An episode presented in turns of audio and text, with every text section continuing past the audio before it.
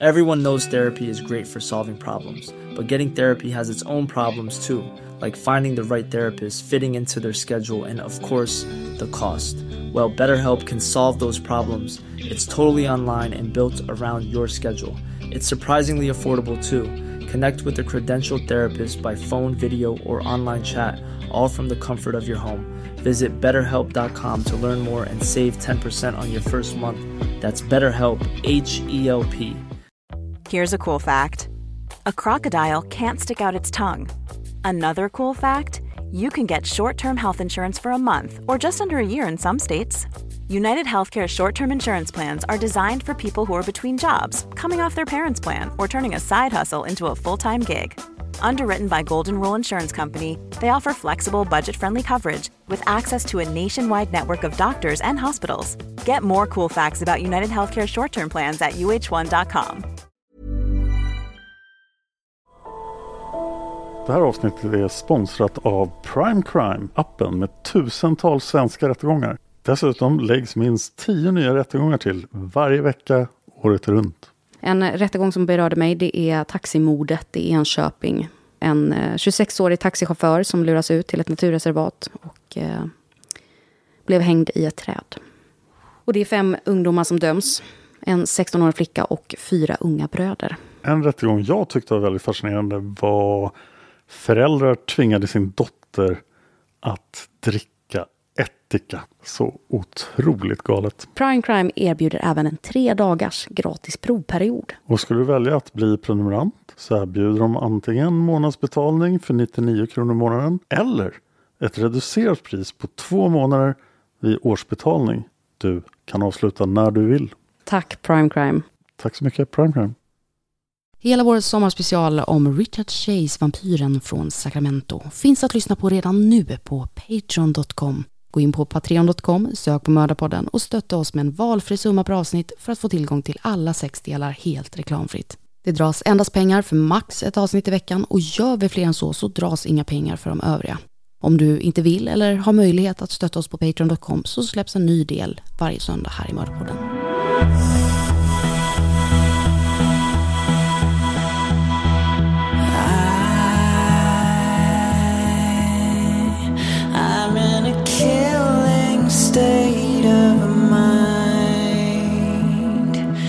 desire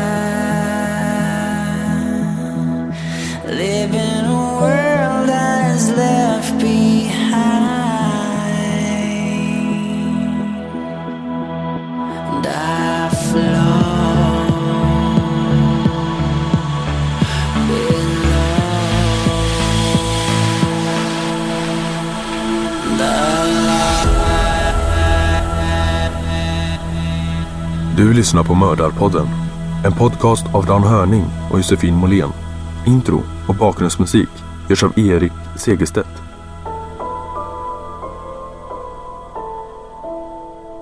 Välkommen till Mördarpodden och del ett av vår sommarspecial.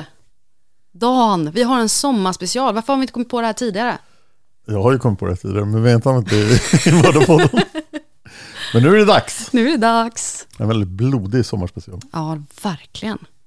Det här är, ja, det, det blir, som jag vet så kommer det bli lite vampyristiskt, om det är ett ord. Jag är nog den enda podden som har en sommarspecial där någon äter en tvåårings hjärna. Va? Ja,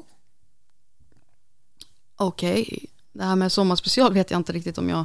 jo nu kör vi. Okej, nu kör vi. Nu är vi alltså här i studion där vi sitter med vår poddmat som ni har sett på Instagram vad det består av. Det är ingenting vi rekommenderar. Det är inte hela kostcirkeln. Jag tror inte att det här dieten i längden ska vara jättebra. Men det är cashewnötter, det är bars, det är Red Bull, Pepsi Max, vatten, vad ser jag mera? Ja, nikotin, Mm. kaffe och då det här, vad det nu heter, höja cancertet. Nej, det är inte cancerte. det heter yerba mate. Yerba mate. Och det är väldigt bra. Det står för massa bra grejer. Grejen är att man ska inte koka upp det och hälla i. För då har det varit så här risk att, att om man har kokande vatten och häller i, yerba mate-teet. Men om man bara gör det, värmer upp det lite grann, som jag har serverat nu, så är det, åh, det är så gott. Jag såg ju vattnet koka men att du inte hällde upp då. Jag, hällde, jag fulade mig lite, jag, jag glömde bort att jag hade börjat koka vatten, så att jag hällde i lite kallvatten också. Ja, så Ingen nu, cancer idag. nu slappnar dagen av. Men vad tyckte du då om yerba mate-teet? Jag tyckte att det var jättegott. Du hade sålt in det som att det skulle vara ganska äckligt. Men jag tyckte Ja. att det var trevligt det. Ja, jag sa ju det, hö i smak. Ja, men det är bra, då kan jag fråga dem om de kan bli våra sponsorer. Jag är redo för mer. Mm. Nu gör de gratis reklam alltså. Ja, just det. det. De kanske inte behöver oss då. Åh, jag är så taggad på det här avsnittet. Ja, berätta. Ja, det här har jag velat göra länge. Det är en seriemördare. Och jag nämnde honom redan i seriemördarpodden i första avsnittet av ER Ons, alltså den första sommarspecialen 2017, som ju utspelar sig i Sacramento, som det här fallet också gör. Och historien kommer inte börja i Sacramento, men när vi kommer till Sacramento kommer jag att få spela och berätta massor av konstiga saker om Sacramento. Ja. Men han var till och med samtida med Erons när han härjade. Mhm. Båda två härjade i stackars Sacramento som alltså idag är en stad i Göteborgs storlek och då var mindre. Oj. Men de har haft jättemycket seriemördare.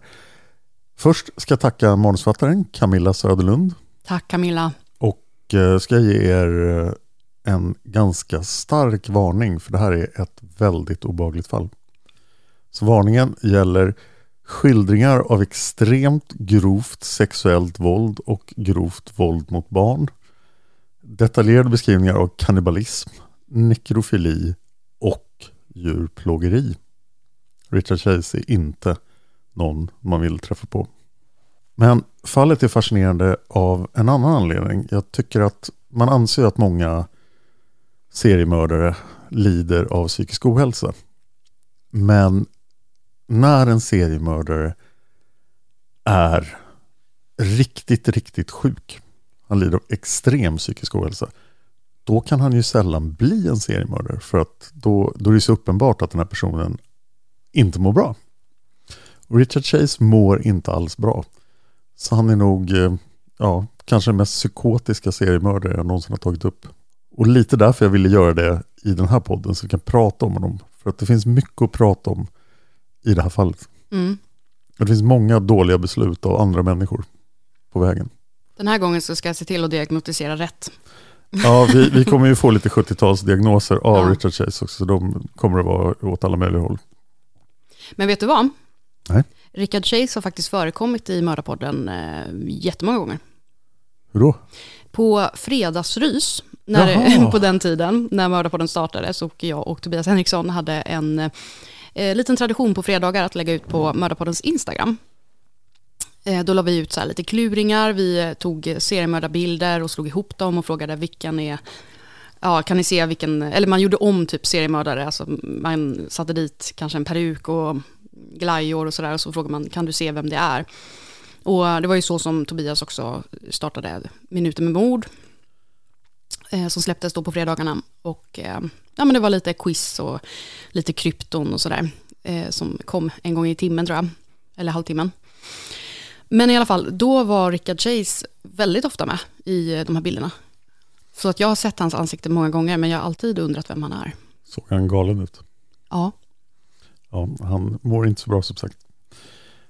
Är du redo att höra historien om vampyren från Sacramento? jätteredo. Har du någonsin hört uttrycket eh, baby in a blender? Man Nej, stoppar en bebis i mixen. Åh, det är det här fallet. Vi börjar historien 1950 i Santa Clara i USA. Eh, Det är förstås i Kalifornien.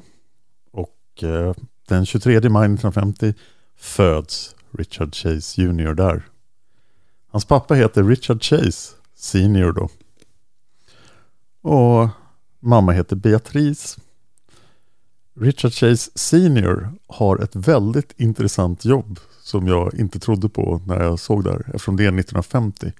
Men källorna uppger att han är en computer specialist. Och det fanns ju datorer 1950 men de var inte särskilt många. Nej, Så att eh, det var ett intressant arbete. Eh, Mamma Beatrice är lärare och inte en hemmafru då som folk ofta var på 50-talet. Richards föräldrar verkar väldigt kärleksfulla. Det här är deras första barn. Men de är också väldigt stränga. Och de är inte jätteförtjusta i varandra. Så att de bråkar jättemycket. De älskar säkert varandra vid det här laget men det är jättemycket problem i deras relation. Och när Richard är två år gammal så läste hans pappa på att han inte vill äta. Och eh, tvångsmatar honom. Vilket då eh, kan ha satt lite spår i stackars Richard. Men det beror väl lite på också om tvångsmat och tvångsmata. Alltså att om barnet inte vill äta, om man hjälper den och säger nu ska du äta. Det, det ska vara ett lite mer våldsam tvångsmatning. Ah, okay. Pressa ner maten i, i strupen i princip. Oj, ja. Men det, det förstår jag kan ha gett spår. 1953 då är Richard tre år gammal och då flyttar familjen till Kaliforniens huvudstad Sacramento. Mm. Och 53 bodde det då 271 000 invånare där. Och idag är det över en halv miljon. 1953 var det mycket, det här är ju en, mycket en konstruerad stad. För de ska ha all administration där för att sköta Kalifornien som ju är ett, en väldigt stor delstat. Och man tror ju lätt att om man ska gissa på Kaliforniens huvudstad så är det San Francisco eller Los Angeles eller, eller San Diego. Men det är den här hålan. Och den är som sagt konstgjord till viss del så att man har byggt då idylliska villaförorter där alla de här delstatstjänstemännen ska kunna, jobb, eller kunna bo. Och det är precis de här villaförorterna som Erons rör sig i. Ser de här envåningshusen, men 53 så finns det ingen Erons än och det mesta av det hemska som hände i Sacramento har inte hänt än. Så ingen låser sina dörrar. Och en stor anledning är att det är 23 år kvar till Erons börjar härja. Men nu ska vi prata lite om hur drabbat Sacramento är av seriemördare och andra galningar. Det är ganska nära Yuba County 5. Så några av sakerna jag tog upp där, den där tappade atombomben till exempel. Ja. Som jag nämnde där. Men enligt Encyclopedia of Serial Killers så greps sju seriemördare i Sacramento mellan 1971 och 1992. Shit! Ja, tänk om Göteborg hade haft sju seriemördare på 21 år. Men om man går lite utanför Sacramento och sträcker sig lite längre fram i 92, då kan man hitta ytterligare åtta seriemördare. Så 15 seriemördare sedan 71 i den här lilla staden. Det finns ett olöst fall här som jag är väldigt pigg på att ta upp någonstans. Men vi har inte gjort det än. Han kallas traditionellt för Mad Killer of Sacramento, men jag gillar inte engelska namn. Men den galne mördaren blir svårt att kalla honom. Varför det? Den galne mördaren i Sacramento? Ja, kanske det. Ja, jag tycker det lockar. Han drog igång 1941 och började mörda folk under andra världskriget. Men långt från fronten. Han mördade åtta personer. Och det är olöst. Wow. Mm, det vill vi veta mer om. Sen har vi då flera saker vi har tagit upp i seriemördarpodden som Erons. Men även Gerald Gallego och Charlene Gallego. Ett par som eh, mördade ton började mörda tonårsflickor i september 1978. Det är avsnitt P62 till 64 av seriemördarpodden Premium. Sen fanns det då förutom seriemördare, jag ska inte räkna upp alla seriemördare, jag ska ge exempel. Men förutom seriemördare så fanns det då även serievåldtäktsmän. Och eh, en serievåldtäktsman som härjade precis innan Erons var The Early Bird Rapist. Som bröt sig in i folks hem och våldtog dem. Och det här tyckte en annan Sacramentabo var så intressant så han började göra samma sak. Så han blev en copycat till den här serievåldtäktsmannen. Så han blev kallad för The Early Morning Rapist. Så det fanns två serievåldtäktsmän i den här staden som bröt sig in hos folk och våldtog dem.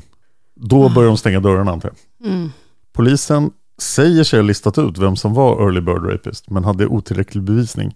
Så den misstänkte mannen flyttade från Sacramento och då upphörde våldtäkterna. För även copycaten la ner då. Ready to pop the question?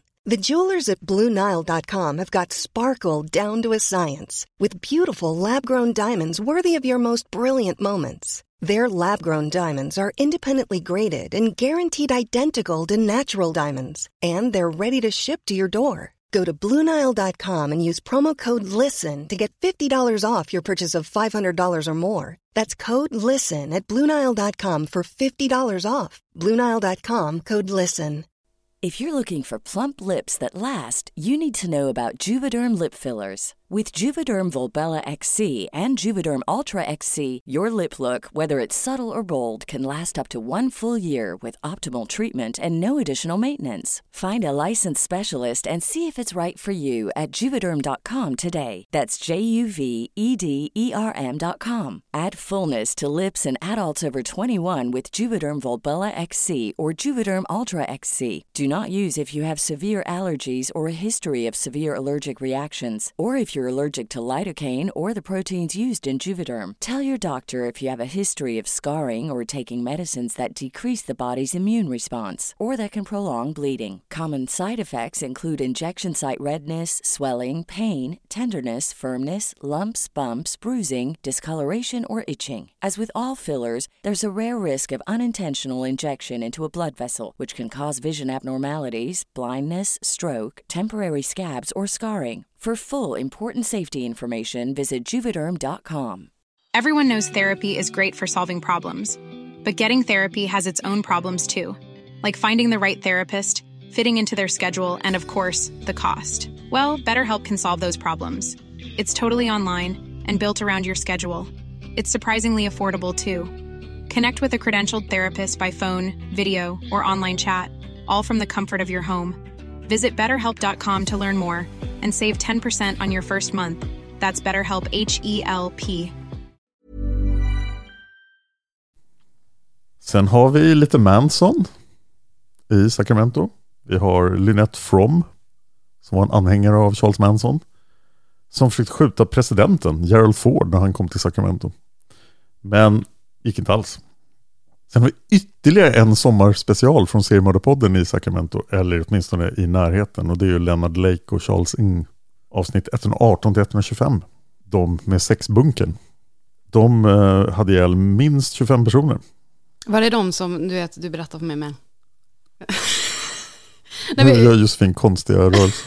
jag, jag, jag tänkte bara, för jag kommer ihåg att du berättade för mig att, hur han tog livet av sig. Ja just det, Ja, ja, nu. Mm, Precis, mm. nu spoilar vi sommarspecialen, fast den är gammal i och för sig. Ja, kanske. Sen har vi I5-stryparen som ströp sju personer ut med motorvägen I5 som går runt Sacramento, eller genom Sacramento. Unabomber hade ihjäl Hugh Scrotton nära hans eh, datorbutik i Sacramento.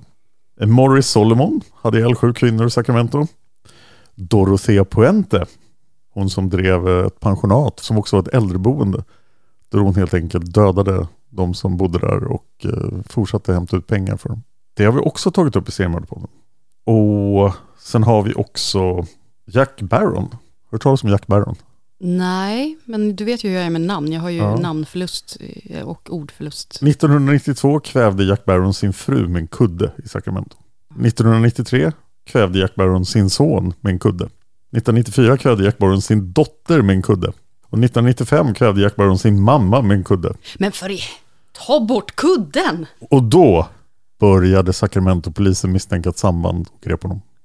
Men förstå alltså. Ja, Jag vet inga detaljer, men det var, han hann med att göra en familjemedlem per år med kudde i fyra år. Sen åkte han fast. Men, men eh, har du eh, tagit upp det här? Du har inte tagit upp det här Nej, fallet? men någon vänta, det här låter som ett fall för mördarpodden. Ja, det låter det verkligen. Kuddmördaren. Ja, det är också som är ovanligt med seriemördare som dödar sina familjer en i taget. Ja. Det borde vara ganska lätt att utreda. Unabomber slog till igen i Sacramento och dödade Gilbert Murray.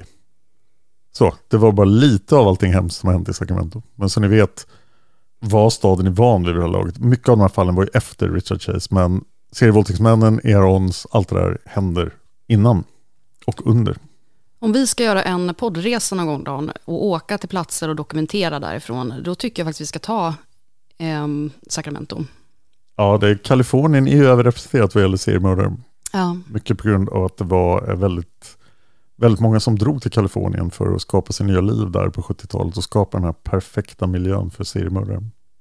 Vi låter Richard bli 10 år och vi är framme vid 1960. Då har Alfred Hitchcocks skräckfilm Psycho premiär. Psycho. Ja, den här Norman Bates som dödar sin mamma och den berömda duschscenen med kniven. Mm, mm. Allt det hade stått med om David hade skrivit manuset. Ja. Eh, Richard har fått en lilla syster. Hon är sex år gammal, 1960, hon föddes 54, hon heter Pamela.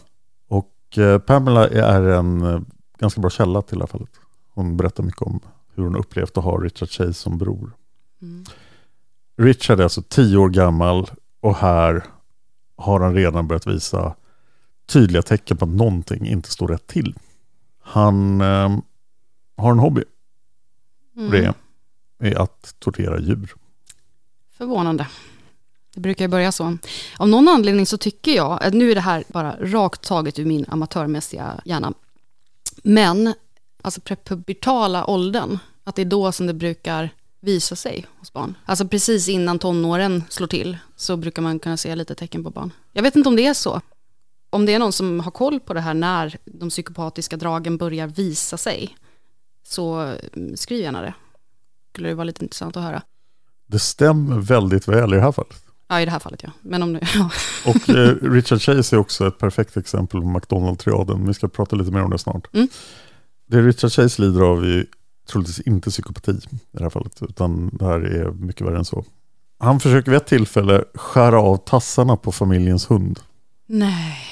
Richard tycker också väldigt roligt att tända eld på saker. Och dessutom är han en kronisk sängvätare. Han kissar på sig i sängen. Det här är de tre kriterierna i den pseudovetenskapliga McDonald-triaden. Berätta vad McDonald-triaden är för något. Det är ju en, en teori som antyder ett samband mellan vissa beteenden i barndomen och en stark tendens till våld i vuxen ålder. Om du plågar djur, tänder eld på saker och kissar i sängen. Det sista känns ju lite märkligt. Det sista Men- känns jättemärkligt, för jag var en sängvätare. Jag med.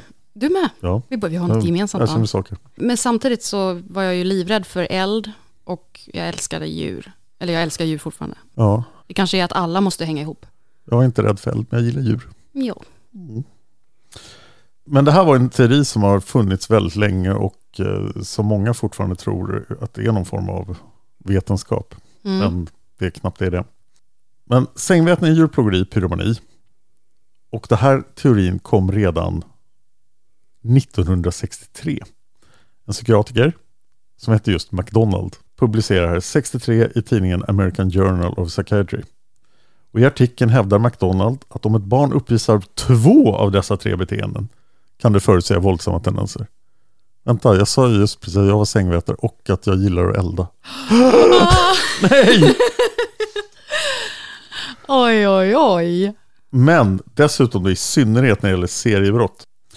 Men Richard Chase delar de här kriterierna med flera andra ökända seriemördare. Men det är viktigt att poängtera att det här är pseudovetenskap.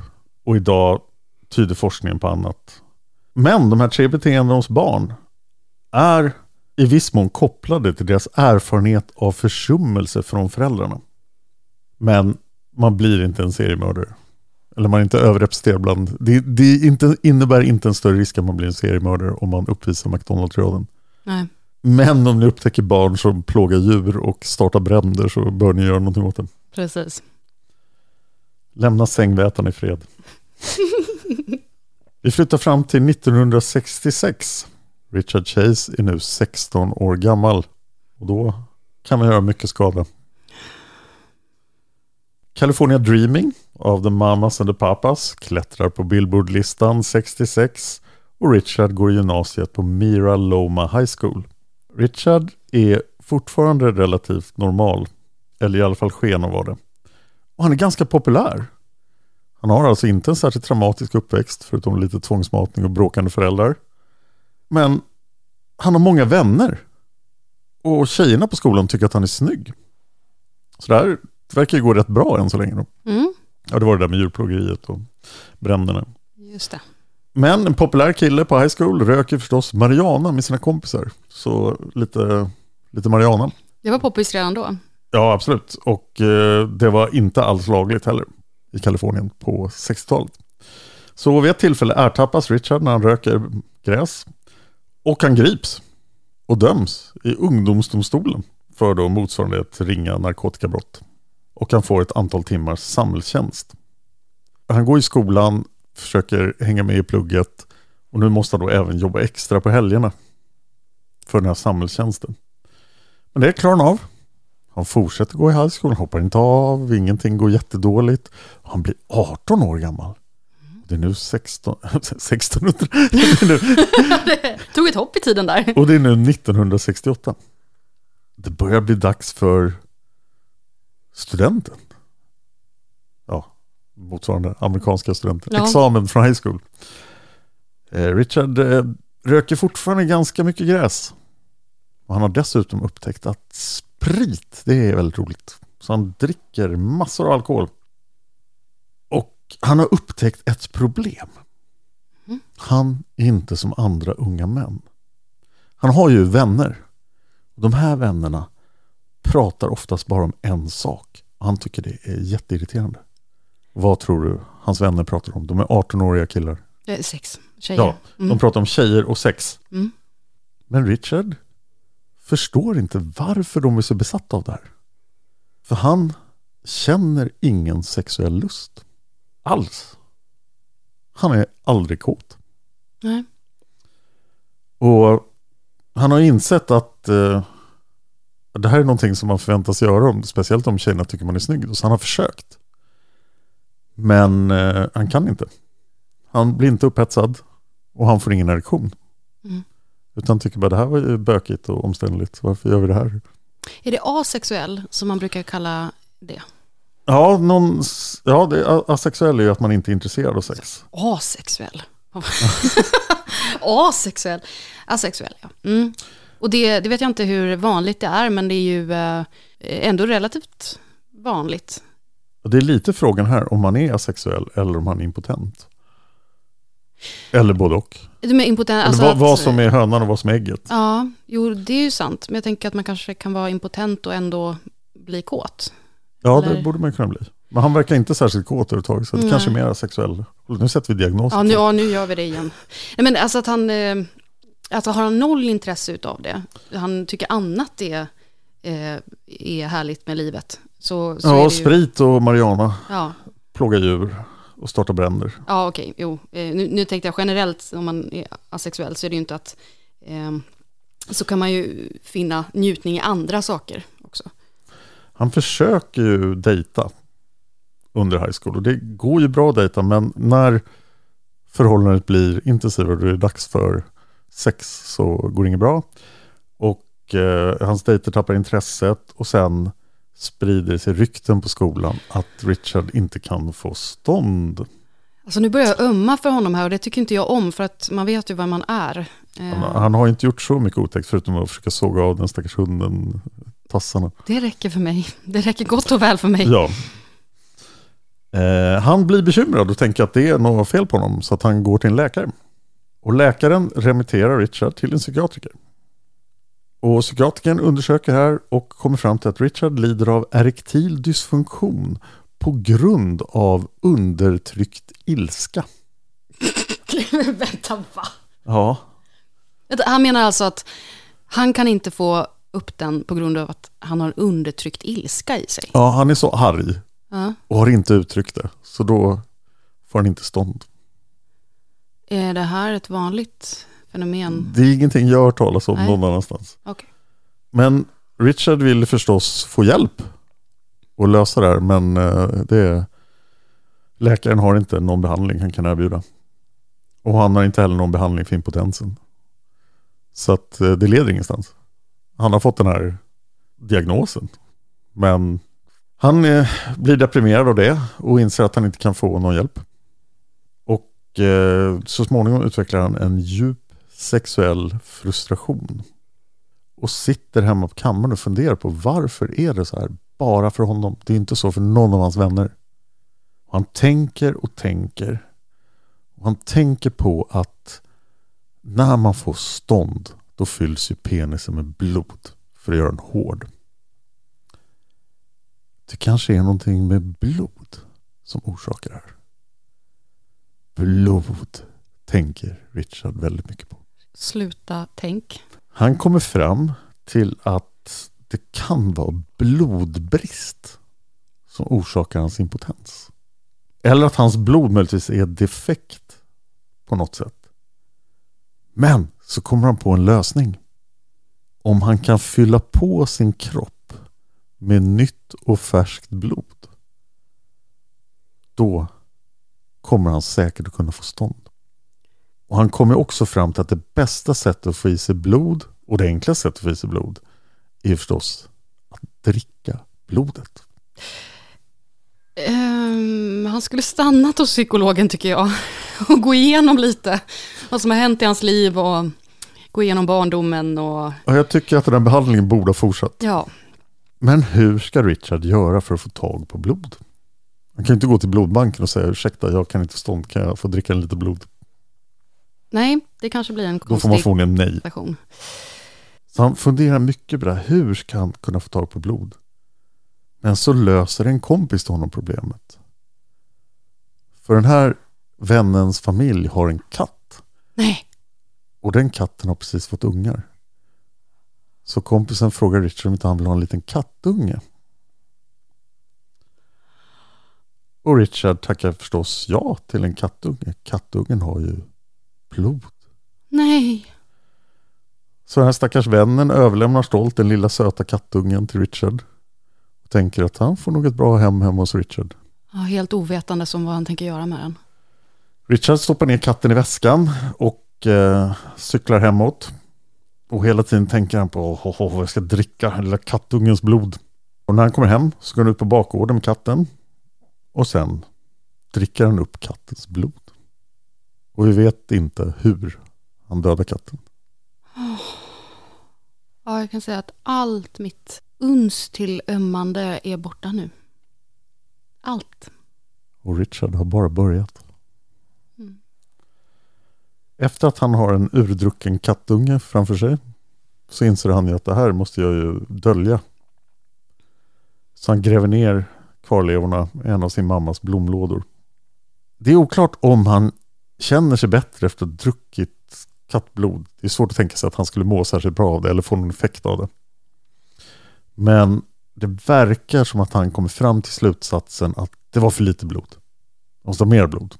Så nu måste han hitta någonting större än en kattunge och dricka blodet från den. Han eh, tänker att någonting som är större än kattunge är förstås en hund.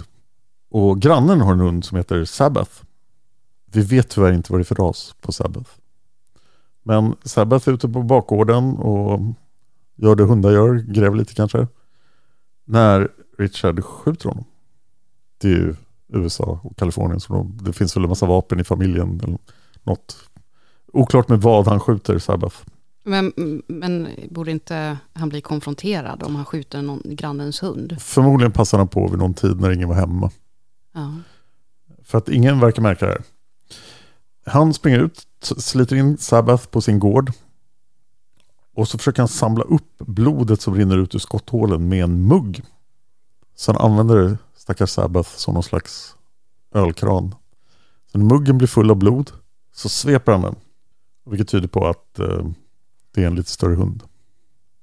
För han kan få flera muggar blod. Han sveper dem.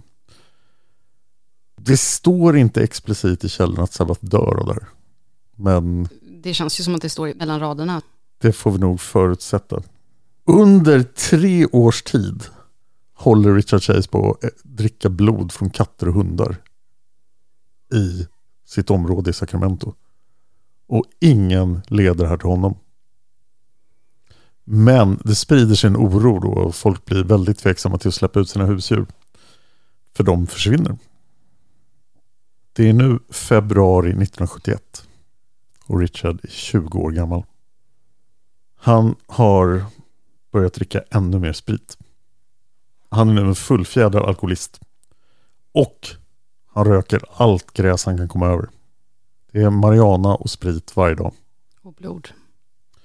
Han får nog inte tag på blod lika ofta som han får tag på sprit. Och jag kan ju tycka att det borde innebära en hälsorisk att dricka så mycket djurblod. Ja, Ja, det är inte tillrätt på något sätt. Det är så här, det verkar vara en dålig idé.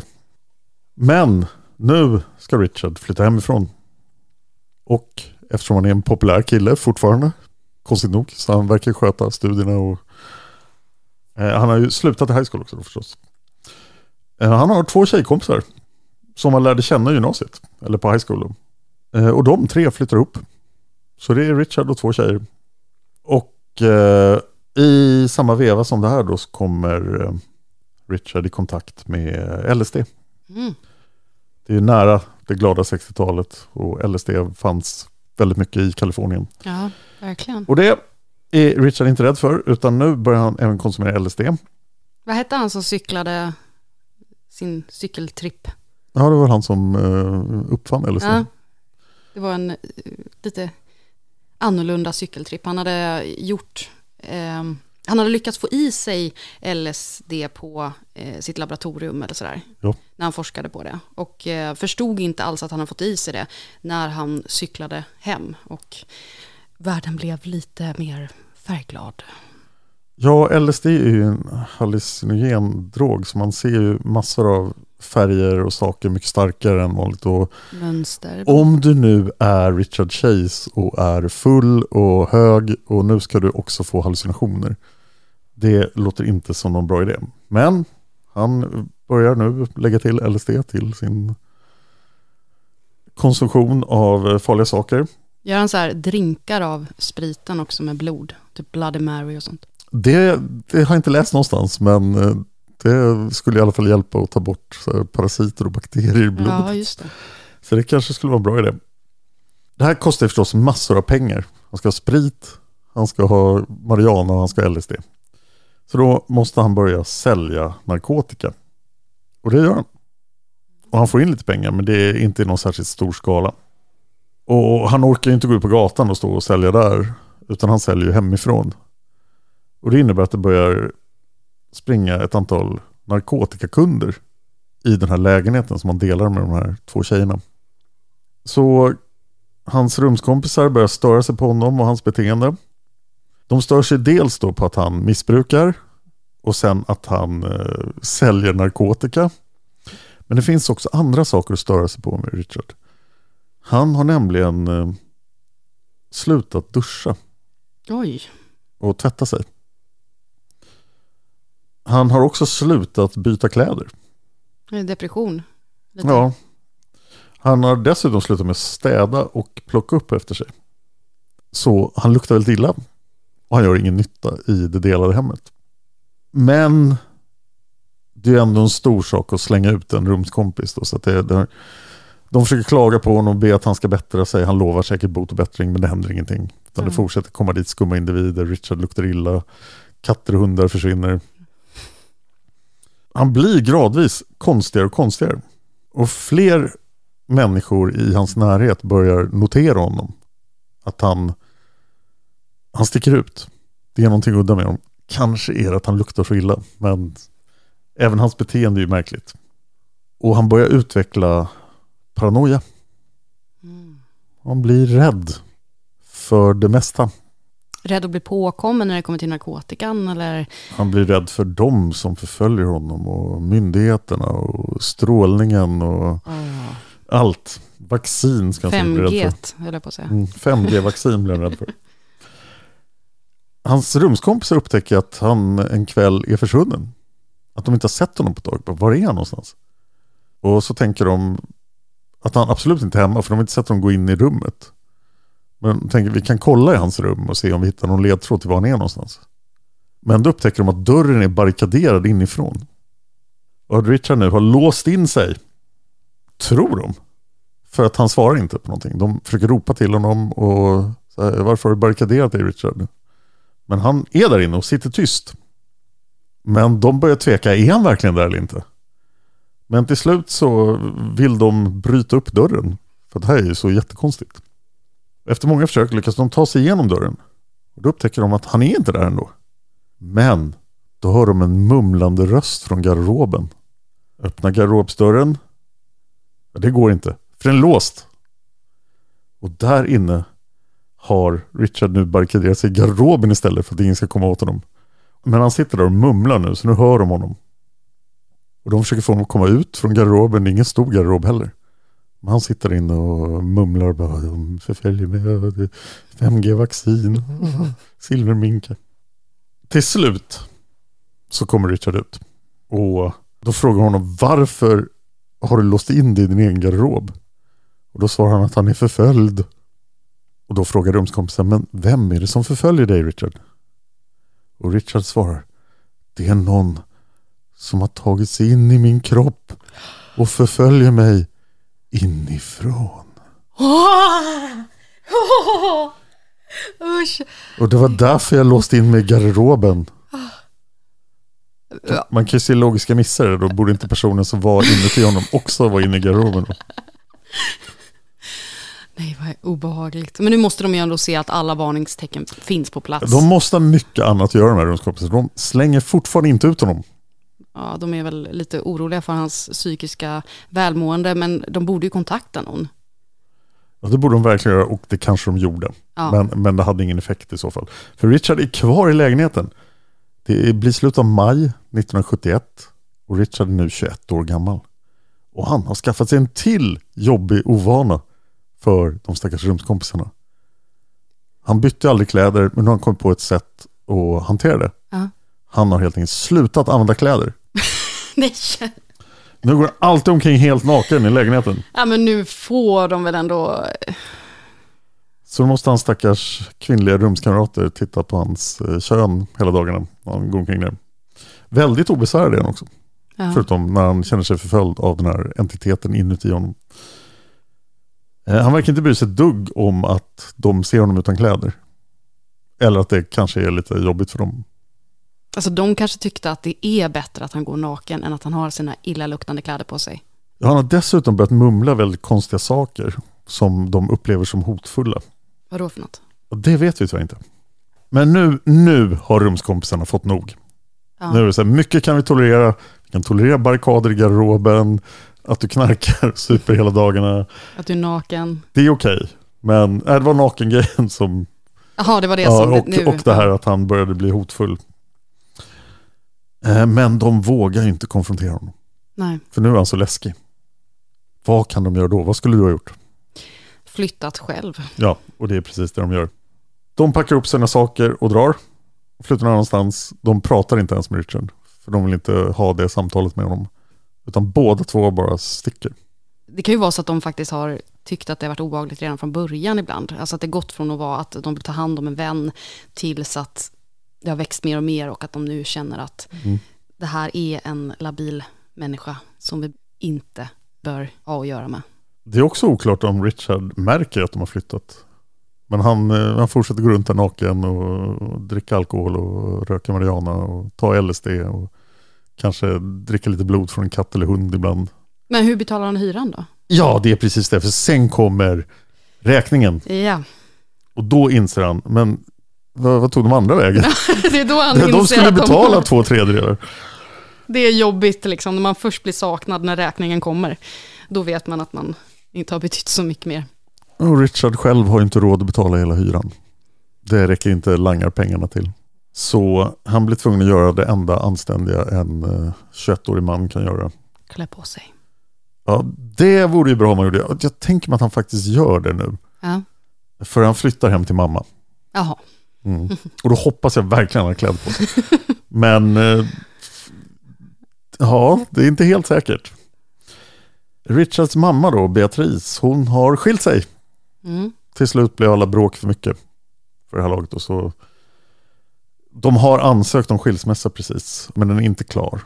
För det är en ett års prövoperiod i Kalifornien på den här tiden. Det är väl här med?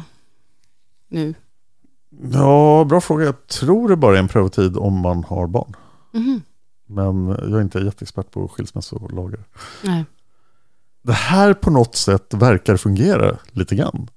Så jag antar att Richard slutade gå omkring naken, kanske duschade någon gång. Blev lite tvångsmatad. Ja, eller så hans mamma väldigt, väldigt förstående. Ja. För han bor faktiskt fortfarande hemma hos mamma i april 73. Och en kväll i april 73 är han av någon outgrundlig anledning bjuden på en fest. Det känns ju inte som att killen man vill ha på en fest. Hey, it's Paige DeSorbo from Giggly Squad. High quality fashion without the price tag. Say hello to Quince.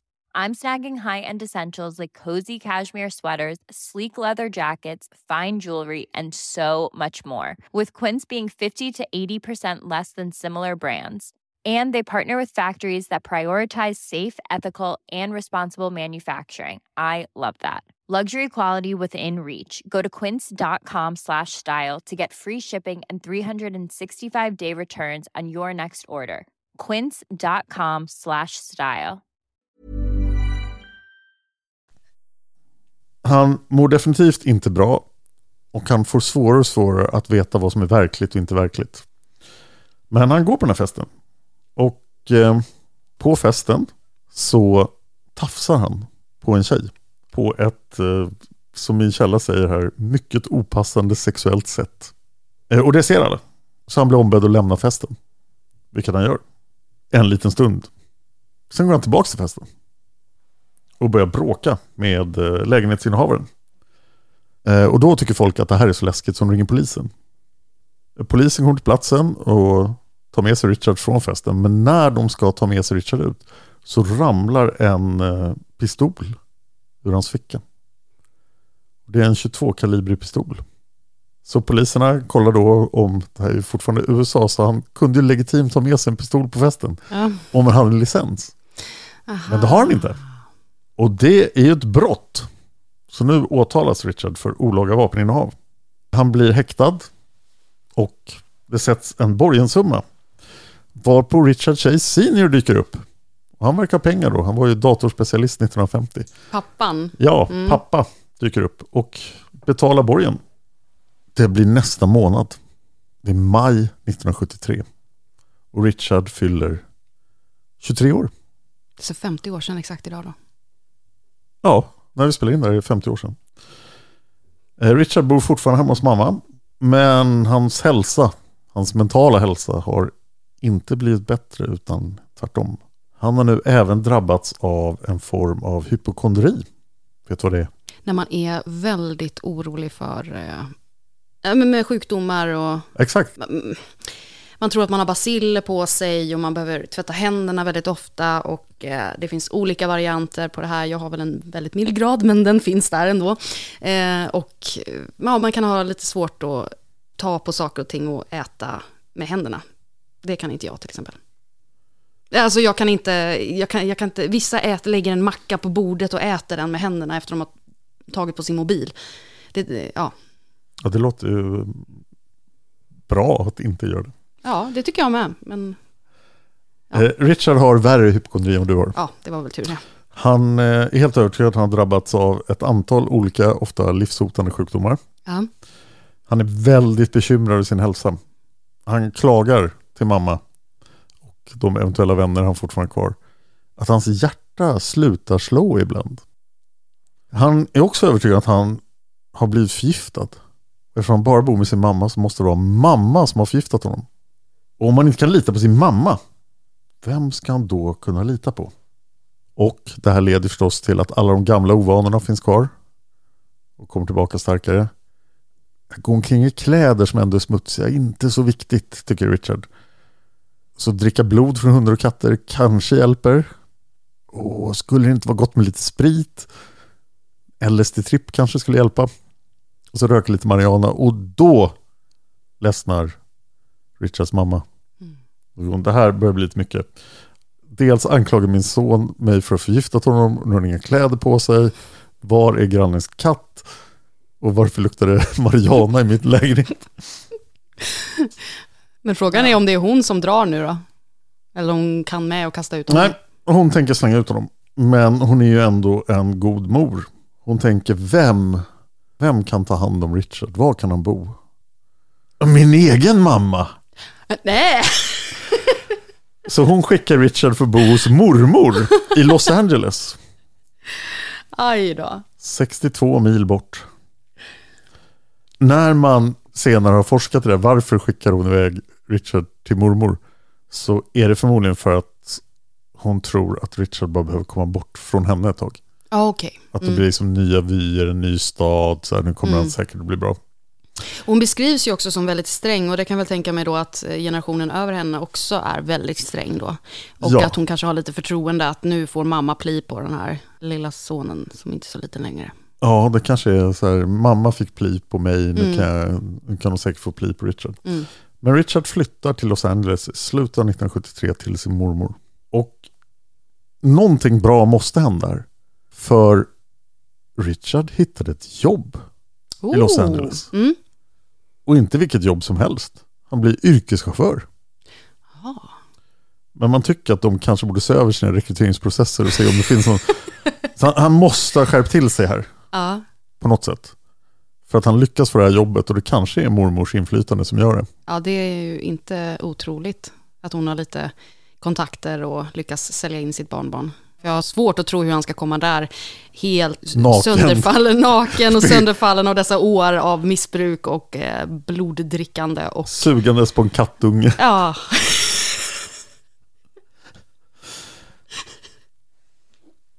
De som anställer honom då tycker att eh, han verkar ju oerhört lämplig till att köra funktionsnedsatta barn till och från skolan. alltså då måste vi vara blinda och ha tappat luktsinnet. Ja, men han börjar köra de här stackars barnen till och från skolan och det går bra. Lite tag. Ja, och han håller sig nykter. Ja, inte riktigt. Ja. Utan mormor börjar bli orolig ganska fort. Mm. Hon eh, märker ju att han börjar få tillbaka de här beteendena igen. Han har också extrema vanföreställningar kring sin egen kropp. Att han tror inte att hans hand är hans hand. Att det är någon annan som styr hans hand och liknande saker. Och det här med att hjärtat slutar slå och att han har alla möjliga konstiga sjukdomar. Ja. Han eh, har ju förstås inte tid med att sköta sin hygien. Så han borstar inte tänderna, duschar eller tvättar kläderna. Men han har fortfarande kläderna på sig. Men han har hört att C-vitamin är nyttigt. Mm. Tänk att C-vitamin kan kanske lösa mina problem. Jag gillar mycket mer hans tanke om C-vitamin, att det ska lösa problem, än blod. Ja, det är definitivt bättre. Men eh, han tycker inte om apelsider och citroner. Det har inte fungerat med att dricka blod och sen få stånd. Så att konsumera C-vitaminen är ju inte rätt metod. Utan istället tar han handdukar som han lindar in apelsinklyftor i. Och sen sätter han handdukarna på sitt huvud. Så han har en apelsinturban och tanken är att all C-vitamin i apelsinerna ska gå rakt in i hans hjärna. Genom huden. Ja. Okej. Mormor blir ännu lite mer orolig. Hon står ut med Richard i knappt sju månader. Det var länge får jag säga. Ja, eh, fantastiskt. Där går han omkring naken med en apelsinturban på huvudet. Jag tror att han fortfarande var påklädd hemma hos mormor. Ja. Där, där gick de gränsen för Richard. Men mormor skickar iväg honom i december 73. Till hennes mamma. Nej, det gör hon inte. Till mormors bord. Nej, hon skickar tillbaka honom till mamma Beatrice. Ja. Och eh, säger att det här får du sköta. Och Beatrice släpper in Richard. Han flyttar hem igen. Och Beatrice märker till sin förskräckelse att han mår ju ännu sämre nu. Det har inte blivit bättre hos mormor alls, det har blivit tvärtom. Richards nya problematik är främst ännu mer hypokondri. Han blir övertygad om att eh, hans skallben har lossnat Oh. och rör på sig. Så att skallbenet rör på sig. Och han kommer fram till att det beror på att det växer ut nya skelettdelar på baksidan av hans skalle och det flyttar då på skallbenet. Men det här är svårt att se för han har ju en massa hår. Så han rakar av sig håret för att kunna se hur de här nya skelettdelarna bildas i hans bakhuvud. Några dagar efter att han rakar huvudet så är det, det är strax innan jul, det var i december 73. Och mamma Beatrice håller på med julstöket. Men plötsligt hör hon en massa oväsen utanför huset. När hon tittar ut genom fönstret ser hon att det är Richard. Som står och skriker utanför gatan. Utanför huset. Att de är ute efter honom. Och att han är förföljd. Och så ser hon att grannarna tittar ut. Och ser hennes son stå där. Och skrika uppenbart tokiga saker. Och då Först här bestämmer sig Beatrice för att det här kanske är ett fall för psykvården. Först nu föll polletten ner. Ja, Alltså inte så, men, men det finns ju en annan syn på detta på 70-talet. Mm. Men det måste ju ändå ha funnits fall som liknar. Alltså att hon måste ha förstått att det här för länge, länge sedan har gått överstyr. Ja, man tycker det. Hon är en väldigt tålmodig mamma. Sen undrar man ju, det är förmodligen då antar jag drogerna som har utlöst den här, eh, de här psykiska problemen hos honom. Det skulle vara en sån här diagnos som inte vi kan ställa. Nej. jag killgissar. Eh, Men när Beatrice då lyfter luren för att ringa efter hjälp så ser Richard det och rusar in i huset. Och tar telefonluren från Beatrice. Och sen börjar han slå henne med den i ansiktet. Är det första gången som han är våldsam. Ja, Mm. det är första gången han är våldsam mot sin mamma. Eh, och vad vi vet mot, Människor. mot en människa. Mm. Det är ju lite underligt får man säga, med tanke på att han har haft våldsamma tendenser och eh, framförallt, alltså jag tänker på festen där. Mm. Eh, och sen, Han kan ju mycket väl ha gjort någonting där som Ja. inte var så allvarligt.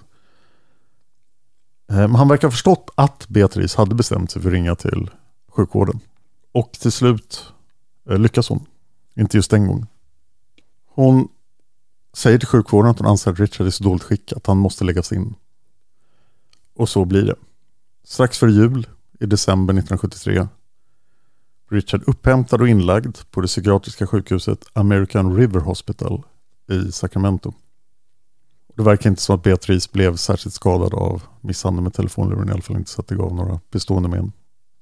Då är det förstås dags att utreda Richard, vad är det han lider av? Men det här är 1973, så vad tror du de svarar? nej, säg inte att det är schizofreni. Japp, Nej, Åh, okej då vill jag bara säga, det är inte schizofreni. Men jag tänkte lite på, på de olika diagnoserna som ändå kom upp här nu, alltså hypokondri och allt sånt där. Så det ska Mm. vara intressant att se vad, vad man kanske hade satt på honom idag. det hade varit väldigt intressant. Det här är då diagnosen han får 73. Mm. Och det är schizofreni med paranoida inslag. De hävdar att han upplever verkligheten annorlunda än andra. Han har hallucinationer och vanföreställningar. Han hör röster. Och eh, det, det, ja, det, det blir hans diagnos. Men, men, Och då ska vi behandla den.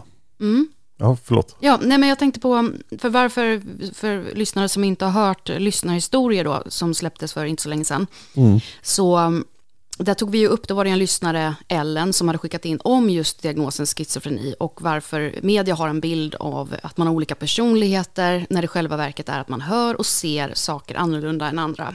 Och beskrivningen här var väl att här tog de ju inte upp att det var olika personligheter, utan här var det ju att man Nej. ser och hör saker annorlunda det, än andra. det var aldrig aktuellt att han skulle ha fler personligheter. Nej. Det räcker med en Richard Chase. Mm, ja, verkligen. Men ehm, så det kanske inte är en helt fel eh, diagnos på honom. Men vi vet ju att eh, just schizofrenidiagnoser på 70-talet i USA är, kan betyda vad som helst. Ja, precis. Och men paranoid, paranoida inslag låter väl helt korrekt ändå. Ja, det Mm. verkar vara korrekt. Ja, Men nu är alltså i psykvården 73 och nu ska de försöka lösa det här med psykofarmaka. Läkarna vet att Richard har använt mycket LSD. Och de testar olika mediciner men det verkar inte ha någon större effekt på honom. Och då drar de slutsatsen att han har bestående hjärnskador av att ha tagit så mycket LSD. mm. Så att de skyller allt på LSD. Det här är anledningen till att vi inte kan behandla honom. Läkarna här i Sacramento 73 vet inte om att han dricker djurblod. Så de kan inte ta med det i sina beräkningar. nej. Och han berättar inte särskilt mycket för dem. Utan de försöker bota honom i ett helt år. Nästan ett helt år. Och sen kommer de fram till slutsatsen att ah, nu verkar du ändå må lite bättre. Och medicineringen har ingen effekt.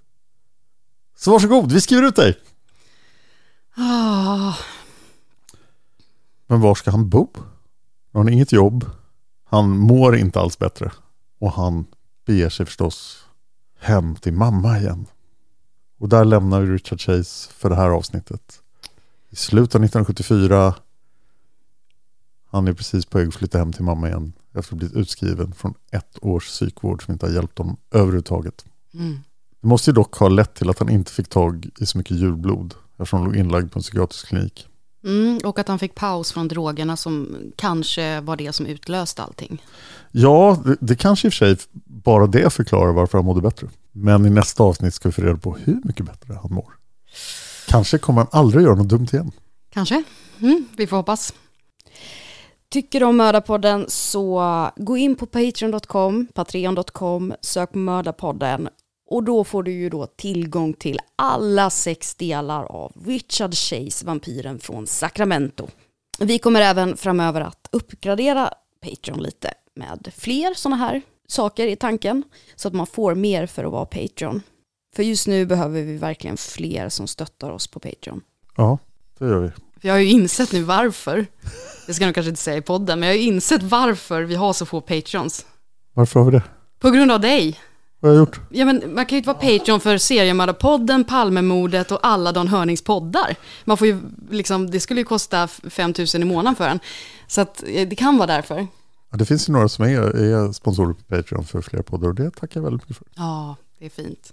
Men välj den podd ni tycker bäst om. Ja. Är det Mördarpodden ni tycker bäst om så ta den. Välj och vraka. Följ oss på Instagram, Mordapodden. Mordapodden ja, lägger upp trailers och eh, mörkheter. Och vår nya snygga logga som är alldeles ny när vi spelade in det här avsnittet. Ja, vår omslagsbild. Ja, vi hängde en hel eftermiddag hos en proffsfotograf som gjorde allt han kunde. Han var riktigt grym.